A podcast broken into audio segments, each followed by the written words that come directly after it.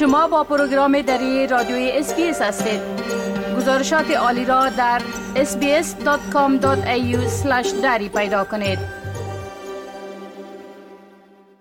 در استرالیا اکثر شوراهای شهری خدمات جمعوری زباله های سخت و جامد را به صورت رایگان به خانواده ها فراهم می کنند. اما قوانین وجود دارند که چی نوع زباله و در چی زمان پذیرفته می شود. این یک چیزی که باید به خاطر رهایی یافتن مسئولانه و ایمن از اشیای نامطلوب بدانید. معلومات اخیر نشان می دهد که استرالیایی ها سومین تولید کنندگان مقدار زباله به صورت سرانه در جهان هستند و بیشتر زباله های ما به محلات دفن زباله ها برده می شوند.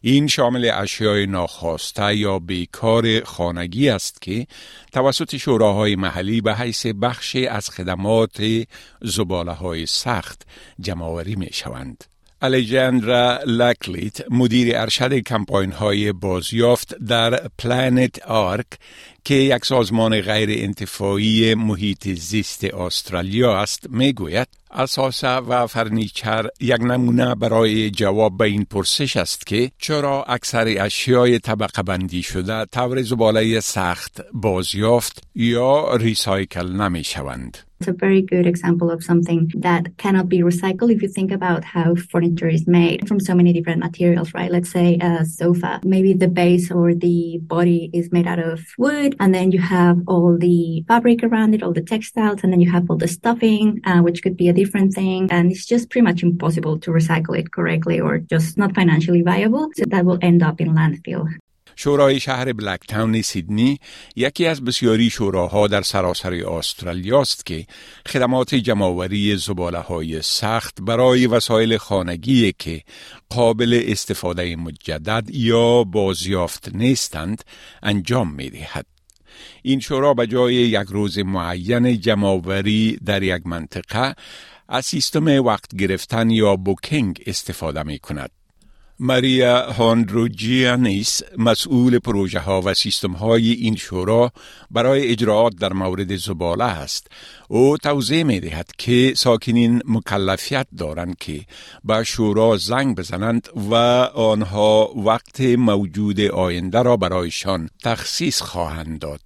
We are an on-call service, so residents are required to give us a call or go online and we will provide them with the next available booking date. There are some council areas that are rotational or on a schedule. We don't do that here. We give up to 12 cleanups a year in Blacktown City Council and residents are required to make a booking for those collections. ساکنان هنگام گرفتن وقت خدمت بردن زباله سخت یا استفاده از جمعآوری دوره‌ای باید از شرایط خاصی به شمول محدودیت در مقدار و نوع زباله و روش های دور انداختن پیروی کنند. ایجابات از یک حوزه اداری تا حوزه دیگر فرق می کند. بنان بهتر است با شورای شهر خود مشورت کنید زیرا امکان دارد که جریمه شوید.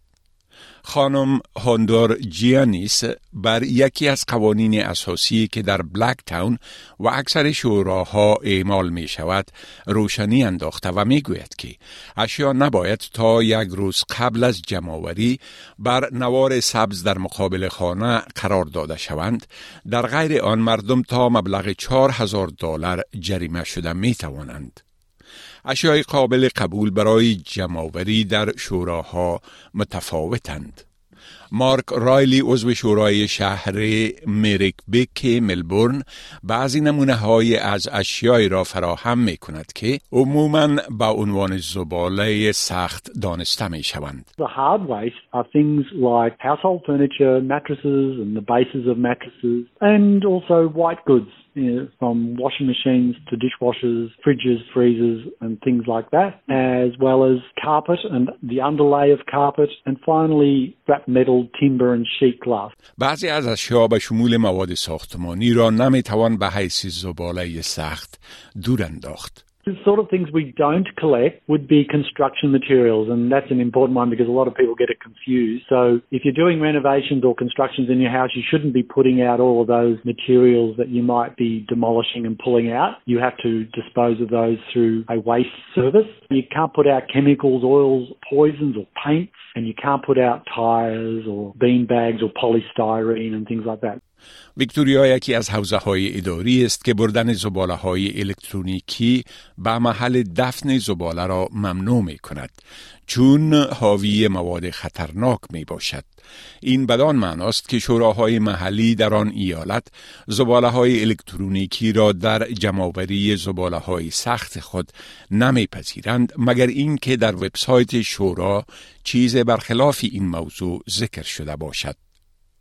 مت جینیور مدیر عامل موقت نهاد سستینبیلیتی ویکتوریا توضیح می دهد که زباله الکترونیکی مثل تلویزیون ها، بطری ها، یخچال ها و غیره نباید در محل زباله ها انداخته شوند و اینها در محلات جداگانه انداخته می شوند. E-waste, which is defined as anything with a plug or a battery or a power cord, it's not allowed to be sent to landfill. The same principle really applies no matter where you are in Australia. You shouldn't be putting e-waste in any of your bins in your house. So anything like TVs and batteries and hair dryers and fridges, they need to be disposed of at certain locations. آقای جینیور می‌گوید جاهای انتقال شورا بهترین مکانها برای شروع به جستجوی تسهیلات است که زباله های الکترونیکی را میپذیرند و بازیافت می‌کنند. رنگ ها به صورت عموم در جمعوری های زباله سخت پذیرفته نمی شوند. رنگ ناخواسته و بستبندی آن را می توان از طریق پینت بک دور انداخت. این یک خدمت رایگان سراسری است که رنگ های استفاده نشده و دیرمانده را از خانواده ها می پذیرد و آنها را از محل دفن زباله و آبراها به دور نگه می دارد.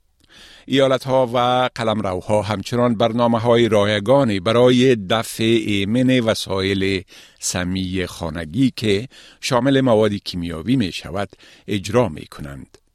آقای جنیور توضیح می دهد که چرا این محصولات باید به طور جداگانه و مسئولانه دور انداخته شوند. If it's something smaller like a battery or a mobile phone, there are literally thousands of places around Australia that those things can be disposed of at. Supermarkets or Harvey Norman stores or office work stores, those types of facilities often have a disposal point. جستجوی یک چیز ارزشمند از کوت زباله یک خانواده دیگر توسط بعضی از شوراها ممنوع شده و بعضی از آنها جریمه برای متخلفان وضع می کنند. بنابراین بهتر است معلوم کنید که چی چیز در منطقه شما اعمال می شود. آقای رایلی می گوید مری بک یکی از شوراهای شهری است که فعالانه ساکنین را تشویق می کند تا به اشیای ناخواسته زندگی دوم ببخشند به شرطی اینکه این کار را با مسئولیت بکنند. همچنان گروه های آنلاین نجات زباله های سخت وجود دارند که اعضای آن می توانند عکس های اشیای را که برای به دست آوردن در دسترس باشند در وبسایتشان نشر کنند.